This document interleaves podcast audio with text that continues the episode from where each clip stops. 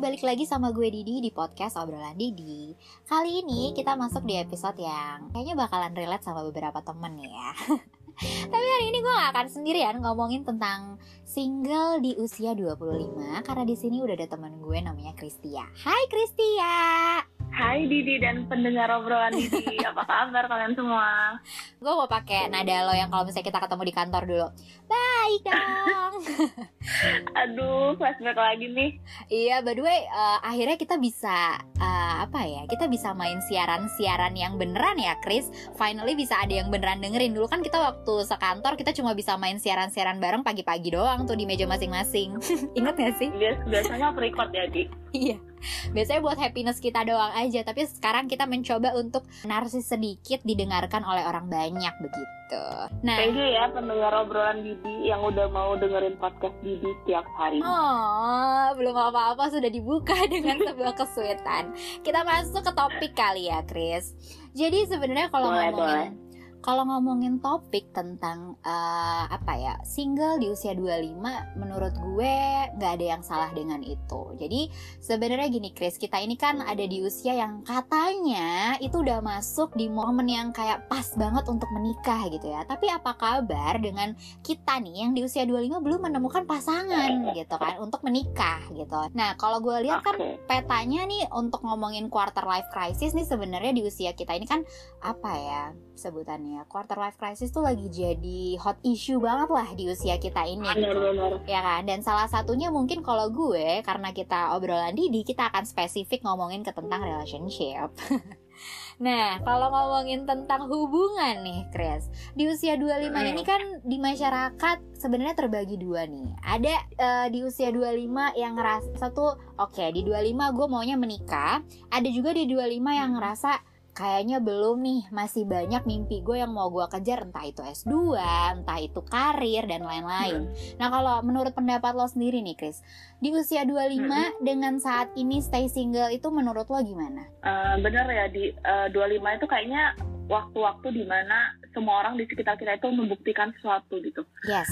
Uh, dia mereka settle down lah gitu, mau di karirnya, mau di keluarganya, ataupun di di relationshipnya gitu. Emang yeah. banyak banget yang kita lihat ya. Kayaknya kalau buka instastory itu banyak kan yang tunangan lah, betul. Uh, lahiran lah, betul. menikah lah gitu. betul. gitu, atau atau apa ya, uh, menunjukkan kesuksesan mereka masing-masing gitu. Yeah Nah, uh, menurut gue sendiri, uh, untungnya ya gue tuh masih slow sih untuk sekarang gitu. Nggak tau lah, mudah-mudahan masih bisa terus slow gitu untuk tahun-tahun berikutnya gitu. Gue masih melihat keberhasilan orang lain, misalnya in term of career ataupun relationship tuh masih happy gitu melihat yeah. uh, kebahagiaan orang lain gitu. Dan gue masih damai-damai aja tuh maksudnya nggak nggak di nggak berada di fase atau timeline timeline yang sama dengan mereka gitu. yes balik lagi kayak masih happy gitu loh kayak happy for them gitu udah nikah dan sebagian temen gue yang misalnya dulunya pacarannya main-main doang terus sekarang finally found ya? a great man iya. dan kayak gue tuh seneng gitu loh kayak aduh I'm saya happy for you karena sama, sama akhirnya lo tuh bisa ketemu cowok yang baik dan Betul. bisa settle down gitu lebih ke lega dan happy sih melihat uh, journey teman-teman gue gitu bahkan ada yang sebelum nikah terus udah udah kelar uh, beli rumah gitu loh di. Tapi gue emang lagi di fase yang gue happy gitu. Teman-teman gue bisa ada di bisa reach di posisi itu gitu di usia 25 ini bisa settle down karena maksudnya gini, tadi yang gue highlight dari lo adalah ngomongin soal timeline. Balik lagi yang harus kita sadari hmm. adalah timeline hidup kita itu beda-beda, ya nggak sih, Chris? Jangan ya, jadikan uh, apa ya? Jangan jadikan kalau waktu itu ada mantan atasan gue pernah bilang sama gue, jangan jadikan kesuksesan hmm. orang itu uh, menjadi uh, tolok ukur untuk kesuksesan lo gitu. Jadi ya betul, susah, betul. Jadi, akan jadi pressure gitu ya ketika kita melihat teman-teman hmm. kita yang menikah, terus kita belum jadi kayak, aduh gue kayak ketinggalan nih, aduh bakalan jadi uh, jomblo seumur hidup nggak ya ya kayak menurut gue malah harusnya yeah. di twist tuh mikirnya ya nggak sih lebih ke timeline hidup orang beda-beda dan saatnya mm-hmm. mungkin lo uh, mungkin saat ini adalah momen di mana Tuhan memberikan lo waktu untuk menunjukkan sesuatu gitu ya. Nah, iya, kalau iya sih, gue iya. juga ngerasa kayak gitu. Maksudnya kalau yang udah nikah tuh emang ada happinessnya, tapi ada juga sih downside-nya gitu. Ada yang uh, mungkin harus slow down sedikit di kerjaannya gitu harus yeah. lebih mikirin keluarga apalagi yang udah punya anak gitu kan di. Mereka kebanyakan tuh uh, punya lebih sedikit lah me time sama waktu untuk mengejar mimpi-mimpinya gitu. Yeah. jadi itu sesuatu yang gue grateful sih. Gue juga kalau ngelihat diri gue sendiri tuh kayaknya gue belum siap deh berkorban segitunya gitu yeah. melepaskan mimpi-mimpi gue dan fokus di relationship sama di anak gue misalnya. That's why I'm here gitu. Karena gue ngerasa juga kayak oh ternyata Tuhan tuh kasih timeline ke gue yang kayak gini yang belum menikah di usia 25 tuh karena mungkin gue emang belum siap untuk iya. berkorban sebesar itu gitu sebagai seorang istri dan seorang ibu gitu. Iya benar banget, benar banget. Nah kalau ngomongin karir nih Chris, tadi lo ada nyinggung sedikit. Nah gue ini sebagai orang luar yang melihat kehidupan lu gitu ya. Lu ini kan adalah orang yang menurut Aduh. gue menjalankan tagline kerja kerja dan kerja gitu ya. Jadi gue ngeliatnya lu tuh emang selama ini nggak pernah apa ya lu bahkan nggak pernah ngomongin cowok segalau itu gitu sama temen-temen lo gue nggak tahu nih maksudnya apakah lu memang fokusnya saat ini memang enggak. Gue emang mau fokus di karir gitu kan. Mungkin lu kayak orang-orang Korea gitu di sana K-pop K-pop yang ngerasa menyampingkan relationship untuk karir dulu. Disedia, uh, hingga membuat lu tidak merasa uh, galau atau harus curhat ke teman-teman atau mungkin ngegalau di Story gitu ya tentang relationship. Atau memang sebenarnya lu ini pernah gitu Chris ada di titik di mana ngerasa sepi atau mungkin lu juga punya traumatik di masa lalu tentang uh, pengalaman relationship yang menurut lo mungkin saat ini kayak aduh kayak relationship tuh untuk saat ini tuh sucks gitu mungkin nanti gue akan mulai ketika memang ada orang yang serius gitu coba kalau menurut lo gimana Chris? Hmm, kalau dibilang trauma sih gue bisa bilang enggak ya. Oke. Okay. Enggak trauma sama sekali sih sebenarnya cuman emang gue tuh gue juga baru nyadar ya kayaknya gue tuh kalau yang gue curhatin tuh semuanya kerjaan ya maksudnya yeah. yang iya. paling bikin gue galau stres itu ya cuman kerjaan gitu loh. Betul. Tapi bukan berarti gue juga nggak nggak mau nggak apa ya nggak peduli dan tidak menganggap relationship itu penting. Menurut gue iya. relationship itu penting banget gitu. Lu deket yeah. sama orang mengenal orang gitu. Apalagi di usia 25 ini ya. Kayaknya kita udah mulai deh harus uh, cari-cari teman deket terus saling mengenal dulu gitu sebelum kalau emang belum mau pacaran gitu. Tapi yeah. itu penting gitu mengenal jenis lu itu penting gitu. Membuka diri itu penting banget menurut gue gitu. Yeah.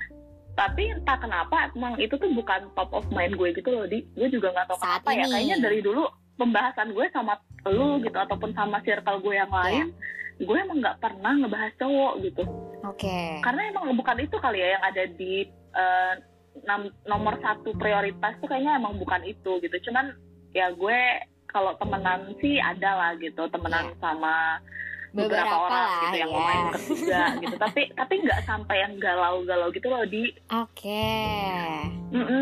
mungkin karena dulu juga trauma sih enggak ya di? Kalau yeah. ngomongin masalah masa lalu ya. Yeah. trauma sih enggak. Cuman emang pernah yang deket banget sama orang mm-hmm. terus bertahun-tahun gitu dan uh, doesn't work out gitu nggak nggak berhasil lah gitu. Nah dari situ gue mulai ngerasa kayak oh kayaknya ya, hal-hal kayak gini tuh nggak harus jadi prioritas kita gitu. Karena kalau jadi prioritas itu tuh ngedrive mood kita banget di.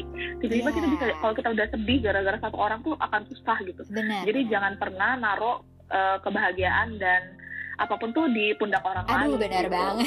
gue belajar banget itu sih. Iya iya. Iya kayak gue misalnya kan kita kalau lagi deket sama orang kan semuanya tentang dia kan betul. gitu sih. Jadi nanti kalau mood dia jelek, mood kita jelek ah, juga. Betul, betul. Atau kalau dia lagi susah dicari, mood kita jadi jelek gitu. Dan dari kejadian yang berapa tahun yang lalu itu gue jadi belajar sih, kayaknya gue nggak boleh gitu naruh mood ataupun suasana hati gue tuh atau kebahagiaan gue tuh nggak boleh diatur sama orang lain gitu. Jadi emang dari situ sih kayaknya udah otomatis tuh top of mind gue tuh emang bukan masalah cowok lagi atau relationship lagi gitu. Tapi bukan berarti relationship nggak penting buat gue ya menurut gue yeah. penting banget gitu. Oke berarti emang maksudnya kayak apa ya? Uh, mungkin ketika lo merasa ada mau ada momen mungkin ada seseorang yang membuat, membuat lo galau gitu. Tapi tidak men-trigger lo uh. untuk kayak aduh ini ganggu banget sampai akhirnya gue harus menceritakan ke orang gitu ya Iya benar. Gue gue ngatur sih kayak oh gue dia bikin gue gue nggak pernah galau sih dia kenapa ya? iya. ya intinya kalau dia bikin gue annoyed gitu ya udah gue leave it gitu aja gitu tapi nggak nggak sebesar itu impactnya kalau yang yang gue hadapin tuh kerjaan yang sulit misalnya atau challenge yeah. di kerjaan itu gue lebih bete gitu dibandingin orang yang ngebetein gitu Nah, maksud gue gini, uh, let's say lu kan pernah nih ada di titik yang uh, uh, apa namanya momen yang kayak uh, namanya kita perempuan ya Chris balik lagi pasti ada titik di mana aduh gal aduh gila nih gitu. Pasti ada titik di mana gimana ya? Ngomongin tentang relationship tuh kayak ada lah mungkin yang bikin lo kayak ya mungkin kayak patah nggak patah hati sih ya galau lah. Let's say pak galau gitu. Nah tapi apakah pelarian lo itu memang uh, kekerjaan gitu? Apakah lu ngerasa uh, daripada gue uh, galau tentang relationship gitu ya gue mending kayak ngelakuin ini ini ini gitu. Nah selain kerjaan gue nih kepo nih. Ada nggak sih kayak uh, cara lo menghandle emosi galau lo terkait relationship di usia 25 ini selain pekerjaan atau memang hanya pekerjaan okay. aja nih? Semua tenaga lo di usia 25 ini memang lagi lo kerahkan untuk uh, bekerja gitu untuk karir. Oke. okay.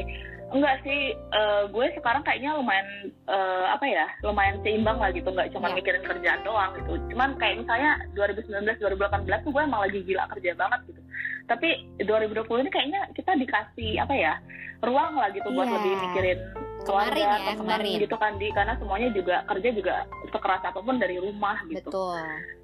Uh, cuman buat ng ngatasin galau di gue kan orang yang terbuka ya di misalnya gue lagi dekat sama siapa gitu terus yeah. gue ada negatif gitu ada pikiran yang negatif atau kecurigaan gitu sama dia yang bikin gue galau atau apa pun itu gue pasti omongin di. Gue pasti udah langsung reconfirm gitu loh sama orangnya. Jadi gue nggak pernah galau lama-lama gitu di apalagi sampai harus curhat ke orang lain ataupun ke instastory gitu karena gue akan langsung ngomong sama orangnya oh okay. gitu. Iya jadi okay. kalau misalnya nih gue kayak kenapa sih kok dia giniin gue? Gitu. Gue akan yeah. langsung nanya kok lu gituin gue? Gitu. Instead of gue berspekulasi nanya orang lain kenapa ya dia giniin gue? Gitu. Or even oh, uh, update status yeah, gitu. yeah, yeah, gue yeah. langsung reconfirm ke orangnya biasanya gitu Oke, jadi itu ya cara lu menghandle emosi lu yeah. untuk tidak Iya, kalau jadi gue tuh gue tuh kelihatan emosi di depan orang yang deket sama gue aja gitu loh. Di misalnya okay. nih uh, gue lagi deket sama cowok gitu. Gue yeah. gue emosi ya emosinya depan dia gitu. Kalau gue uh, menunjukkan kecurigaan gue atau gue nggak enak hati misalnya atau apa pun yang diganjel tuh gue nunjukinnya ke dia langsung nggak melalui orang lain ataupun di sosmed gitu. Oke, okay. make sense sih ya. Maksudnya terlepas dari... banget ya gue ya.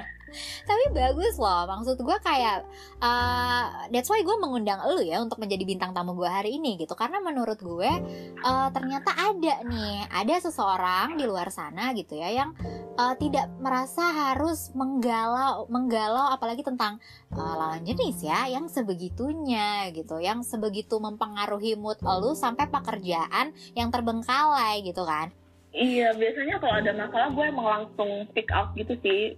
Sambil uh, langsung nanyain ke orangnya gitu kenapa lu giniin gue kenapa lu misalnya lama balas kenapa lu lama balasnya gitu-gitu sih. Kayak langsung marahnya tuh ke orangnya langsung gitu terlepas dari lo nanya temen lo kayak eh kenapa ya dia kok lama ya balas gue? gitu ya. Iya nggak gitu gue tuh nggak kayak gitu gitu. Karena toh kalau gue nanya lu misalnya di kenapa ya dia lama balas ya gue nggak tahu. tahu kan iya gitu. benar yang ada lu juga berasumsi berasumsi gitu, benar jadi nanya langsung aja ke orangnya. Tapi emang lu emang tipe yang straightforward aja sih orangnya ya Mm-mm. Dan uh, menurut gue itu nggak banyak sih Chris perempuan yang uh, berani seperti lo gitu. Karena biasanya uh, ada gue nggak bilang nggak banyak juga ya tapi memang banyak juga yang kayak lo tapi ada juga tipe yang merasa untuk di keep sendiri. Di keep sendiri terlihat baik-baik saja. gengsi kali ya gengsi bu. Ya mungkin kali ya. Berarti lo cewek yang tipe ngegas aja nih ya Iya gue mah yang penting cepet solve gitu masalahnya. Kayaknya aduh ribet banget deh kalau gue harus curhat ke sana ke sini tapi gue nggak apa ya nggak dengar dari orangnya langsung gitu. Sedangkan yang punya jawabannya langsung kan orangnya itu iya gitu. gue setuju banget lagi. Daripada ngumpulin asumsi ya mending langsung aja deh ke orangnya. Iya, kadang gue tuh sering dengar gitu di kadang relationship itu ya menjadi semakin buruk karena terlalu banyak orang yang ikut campur di dalamnya gitu Aduh, di, iya, iya sih? setuju setuju iya. jadi kebanyakan kalau masalah internal itu lebih baik kayaknya dikit buat uh, pasangan itu sendiri aja gitu Iya benar-benar. Oke, kalau kita ngomongin balik lagi ke uh, usia 25 dan pencapaiannya ya, Chris. Terlepas mm -hmm. dari uh, apa namanya lu ini bukan di kubu untuk uh, achievement di 25 adalah menikah, gue mau tahu yeah. dong achievement lo tuh di usia 25 atau kalau misalnya kita ngomongin kan biasa kita lagi di umur-umur yang kayak eh lima tahun lagi lo tuh membayangkan diri lo yang seperti apa sih gitu. Nah, gue mau tahu dong kalau cerita dari uh, seorang Kristia gitu ya, apa sih sebenarnya achievement hmm. lo untuk 20 untuk di umur seteng, seperempat abad ini atau ke di untuk lima tahun ke depan, Chris? uh, gue jujur aja ya sekarang tuh gue masih into karir banget sih di yeah. karena mungkin gue ngerasa kebahagiaan gue tuh di situ gitu. Oke. Okay. Emang orang kan uh, source of happinessnya beda-beda ya, tapi betul. sumber kebahagiaan gue tuh emang di kerjaan gue gitu. Oke. Okay. Tapi buruknya emang gue tuh nggak pernah mau ngerjain sesuatu yang gue nggak passionate about gitu. Pokoknya gue hanya milih kerjaan yang gue suka aja gitu.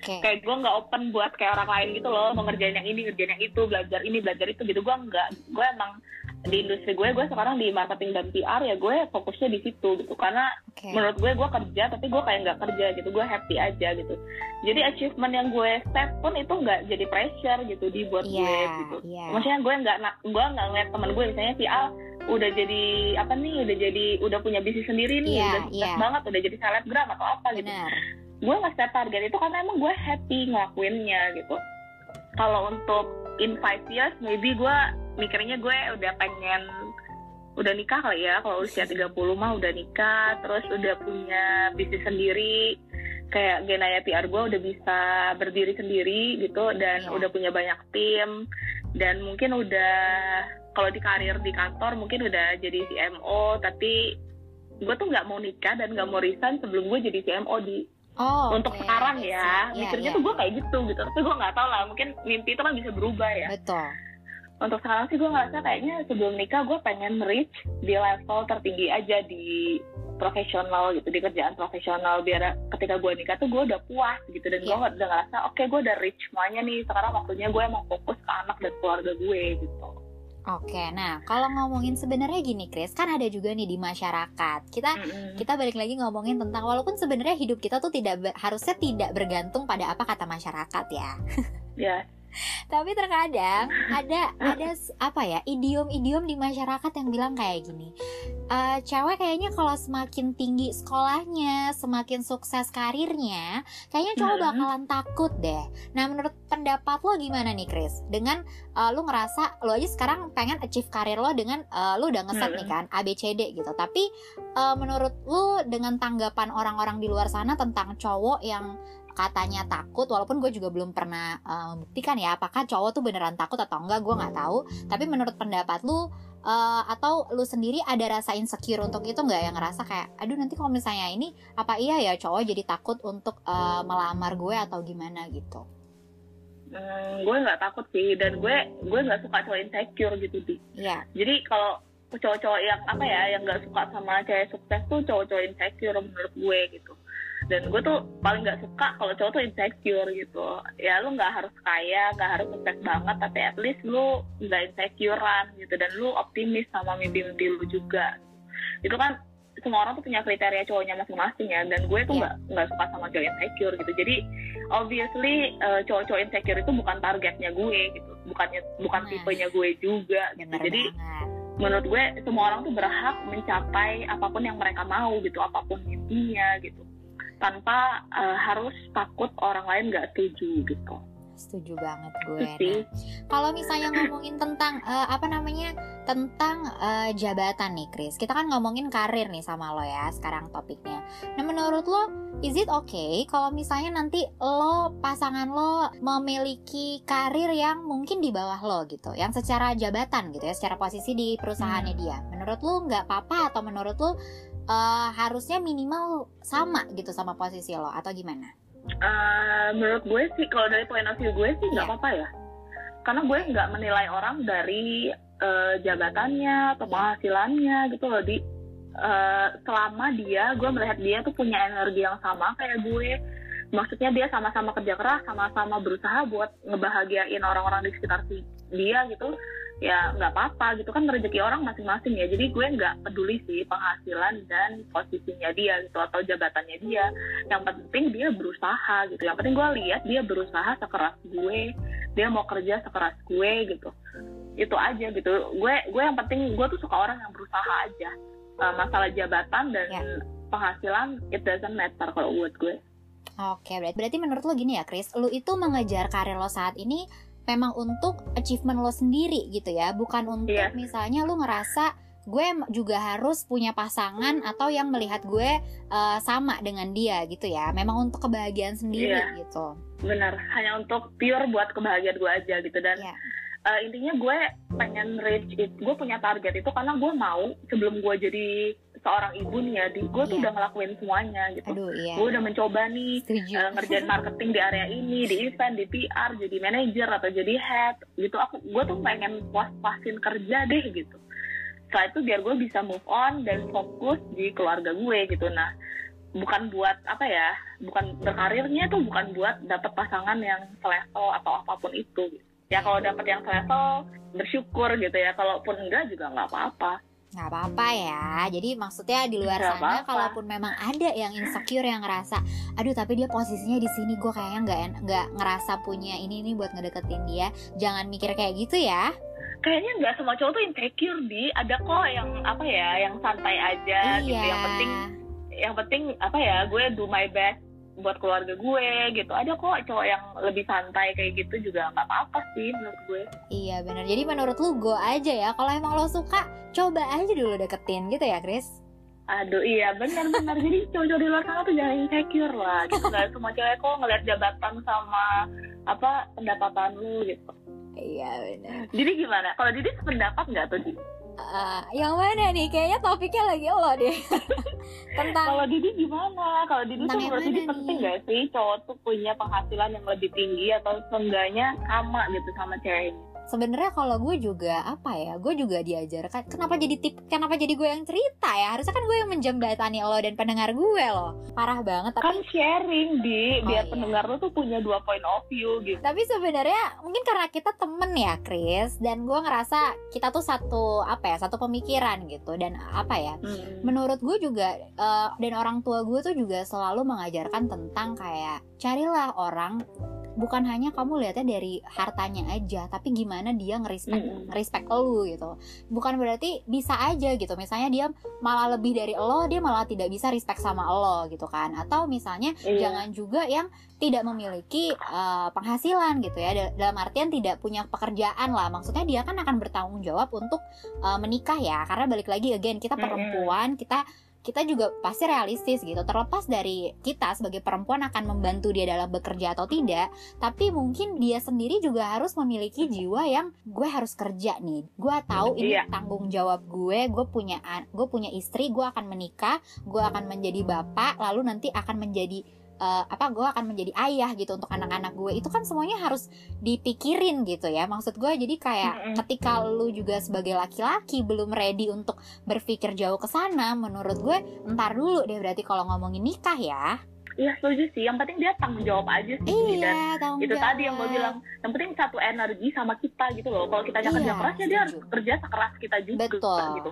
Betul betul. Gue mau ya yang penting cowok tuh berusaha dan uh, apa ya pengen cari terus lah gitu. Kalau kalau di sini doesn't work, mungkin kalau jabatan gue di kantor nggak bisa naik, mungkin gue bikin usaha ini kali ya gitu yang iya, banyak betul. akal gitu loh. Bener, ih gue setuju banget. Gue setuju banget. Kan menarik ya kalau cowok tuh bisa nyari side job sana iya, sini kan. Iya. Gitu. Oh kayaknya Walaupun kalau di sini kurang gue bikin usaha ini ya gitu, gue jualan ini ya gitu. Iya, iya, iya gue suka tuh maksudnya inisiatif ngapain gitu ya. Ketika, iya, benar. Yang banyak akal gitu, itu, gitu. Itu, banyak itu. relasi juga gitu. Bisa ngelakuin kita muluk banget gak sih Chris sebenarnya harapannya? Enggak.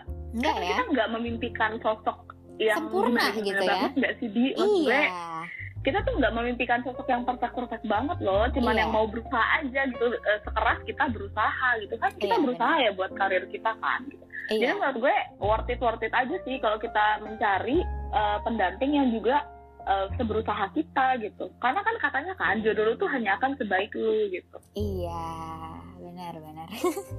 Ya intinya cowok-cowok yang uh, apa ya dan jangan sampai merasa insecure tadi itu ya Chris mm -mm nggak menarik sih cowok tuh kalau udah insecure udah nggak menarik malah aja. harusnya kalau bisa lu menemukan pasangan yang saling mendukung karir lo. Mulai itu bahkan mulai dari sekarang saat lo bekerja mungkin ya, ya buat pendengar yang masih saat ini single gitu. Mungkin malah dari sekarang uh, ketika kita udah punya udah deket sama seseorang justru malah bisa dilihat nih dia itu mendukung karir lo apa enggak? Karena itu akan mempengaruhi nanti jadi bayangan ketika lo menikah dengan dia nggak sih? Iya benar-benar. Benar banget uh, udah bisa dilihat lah dari yeah. sekarang gitu. Kira-kira pasangan lu tuh tipe yang kayak gimana sih gitu? Yang yang mau lu berkembang atau enggak gitu? Atau maunya lu emang stay di bawah dia aja gitu? Nah apalagi jangan sampai mempermasalahkan kerjaan tuh. Biasanya tuh kan ada ya Chris. Entah misalnya kita kan emang apa ya ada beberapa uh, teman-teman mungkin salah satunya juga lu gitu di usia 25 nih karena lagi semangat semangatnya kerja jadi suka lembur-lemburan gitu kan nah terus malah jadi masalah nih sama sama pasangan. Karena mungkin pasangan ngerasa kayak kamu tuh kayaknya nggak ada waktu deh buat aku gitu. Karena kamu terlalu uh, apa namanya terlalu kerja banget gitu. Nah menurut lu gimana tuh menanggapi itu Chris?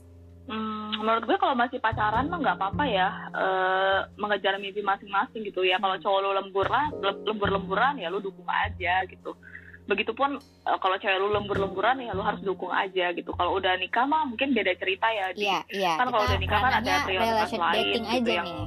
keluarga lu harus lu urus gitu yeah. Iya. uh, anak lu harus lu urus jadi kalau makanya yang gue bilang tadi di gue tuh pengen udah mencapai ke karir yang gue mau tuh di sebelum gue nikah gitu. Yeah. jadi setelah nikah tuh gue emang udah let go aja gitu. Gue mau karir kerja biasa aja nggak usah jadi atasan juga nggak apa-apa. Yang penting gue bisa atau di perusahaan kecil aja nggak apa-apa. Yang penting gue bisa pulang on time gitu. Yeah. dan bisa atur waktu dengan baik gitu. Ya selama masih pacaran bebasin aja lah pacar lu mau ngapain gitu. Nggak yeah. usah saling mengekang nggak usah saling mengatur yang penting lu tahu dia emang lembur uh, buat kerja gitu bukan buat ke mana-mana kan gitu. Yeah. dan yang penting lu tahu aja dia apa ya nggak nggak overwork ya nggak yang sampai kerja terus sampai sakit gitu. Yang selama masih sehat sih kerjaannya menurut gue ya biarin aja ya. Kalau gue sih orangnya kayak gitu di yang ya udah lu mau ngelakuin apa do it gitu. Selagi kita, selagi belum itu ya belum nikah ya lu punya kebebasan itu gitu yeah. selagi lu belum nikah ya kebebasan itu milik lu masing-masing lah nggak ada yang boleh ngatur lu gitu Iya, gue setuju banget dan balik lagi ya, maksudnya uh, yang pacaran aja kan belum tentu nikah gitu ya. Jadi ketika Benar. seorang ketika seseorang punya mimpi, apalagi pasangan kita punya mimpi, dibantu aja gitu, disupport aja. Iya, dipermudah aja. Iya, gitu ya. jangan dibikin masalah gitu. Kecuali memang ya kalau ada masalahnya gitu kan itu beda cerita. Tapi apa ya mungkin kalau cuman maksudnya agak memang kadang kan bermasalah ya. Tapi kalau misalnya uh, apa namanya ngomongin usia 25 dan ngomongin karir harusnya ini memang kita lagi sama-sama di titik yang ego kita lagi sama-sama tinggi dan kita sama-sama hmm. punya goals masing-masing nih ke depannya gitu kan. Iya benar sih. Lagi kejar-kejaran gitu kan. Iya. kayak semuanya udah pada kayak oh gue udah 25 nih gue harus reach ini nih gitu. Iya benar udah pada udah pada khawatir gitu loh di di hati masing-masing. Kayaknya kok gue misalnya tabungan gue kok cuma segini ya. Padahal bentar lagi gue udah harusnya udah usia nikah gitu. Teman-teman gue udah pada punya mobil ya punya rumah ya gitu. Jadi iya. udah kayak lagi saling ngejar uh, tabungan dan mimpi masing-masing gitu loh di usia segini. Jadi yeah. menurut gue be easy aja gitu. Lu gampangin aja lah jalan pacar lu atau pasangan lu buat ngejar apa yang dia mau gitu ya oke okay. kita udah sampai di penghujung acara nih Chris penghujung acara lebay banget gak tuh nah biasanya penghujung acara biasanya di ending Apa tuh? kayak ngasih tips tipis-tipis ala uh, bintang tamu gue nih kalau menurut lo nih Chris tips untuk di luar ah. sana di usia 25 masih sendiri menurut lo ada tips nggak nih untuk gimana sih caranya kita ngehandle untuk tetap stay positif aja gitu tidak uh, merasakan kalau lingkungan kita tuh adalah pressure gitu. Dari mulai kerjaan mulai kerjaan yang kayak aduh temen gue udah di titik ini atau aduh temen gue udah udah uh, menikah atau aduh gue di saat temen gue lagi naik nih jabatannya gue malah kena cut dari kantor gitu ya. Nah menurut lo gimana nih? Uh, tips lo ya untuk tidak menganggap itu sebagai pressure gitu. Uh, be happy bahagia aja lah gitu. Maksudnya apalagi di 2020 kan banyak tuh ya yang terjadi gitu banyak juga yang menghambat karir kita iya. pekerjaan kita iya. ataupun mungkin hubungan lu sama pasangan lu gitu ya kan jadi jarang ketemu yeah. yang biasanya sering hangout sama teman dan ketemu banyak orang ini kan jadinya nggak bisa ketemu gitu jadi di masa-masa kayak gini menurut gue yang paling penting ya kesehatan mental lu sendiri dan kebahagiaan lu sendiri gitu. Lu harus find peace sih dalam diri lu sendiri gitu ya. Nemuin kedamaian di hati lu sendiri kalau ya lu emang harus terima keadaan gini keadaan yang sekarang ini terjadi gitu. Dan uh, tahun-tahun ini tuh nggak cuma sulit buat lu gitu. Yeah. tapi sulit buat semua orang gitu. Dan cuman kesulitannya ya beda-beda gitu. Mungkin ada yang kesulitannya di kerjaan ada yang kesulitannya di hubungan ada yang kesehatan gitu. Jadi semua orang tuh punya kesulitannya masing-masing gitu. Dan semua orang tuh struggling gitu di tahun-tahun. Yeah. dan 2021 ini juga uh, covid belum berakhir gitu. Masih yeah. ada masih akan ada lah cobaan-cobaan yang lebih banyak lagi gitu yang akan datang. Jadi ya menurut gue lu kuat-kuatin hati lu terus berdamai dengan keadaan aja gitu. Be happy bahagialah dengan apa yang lu punya sekarang gitu jadi nggak usah terlalu keras sama diri sendiri nggak usah terlalu ngeliatin hidup orang yeah. happy aja dengan apa yang lu punya gitu aja sih kalau gue oke okay. Terima kasih loh Kristia, indah sekali percakapan kita hari ini untuk uh, di usia 25 kalau misalnya masih single it's okay karena banyak Tenang hal yang bisa kita kerja. Masih banyak kok yang single juga. Benar. Dan 25 belum nikah bukan berarti ketinggalan ya nggak, Chris? Enggak dong, enggak sama sekali. Semua orang tuh timelinenya beda-beda, timeline hidupnya beda-beda, jadi tenang aja. Yes, kuncinya tenang aja dan stay happy ya kalau kata Kristia. Iya, be happy dengan apa pun yang lo punya sekarang. Nah, oke okay deh. Terima kasih ya Kristia sudah berbagi di obrolan di episode kali ini. Thank you so much Didi dan teman-teman pendengar obrolan Didi. Thank you ya semuanya. Thank you dan terima kasih juga ya buat kamu yang sudah mendengarkan episode kali ini. Sampai ketemu di episode obrolan Didi selanjutnya.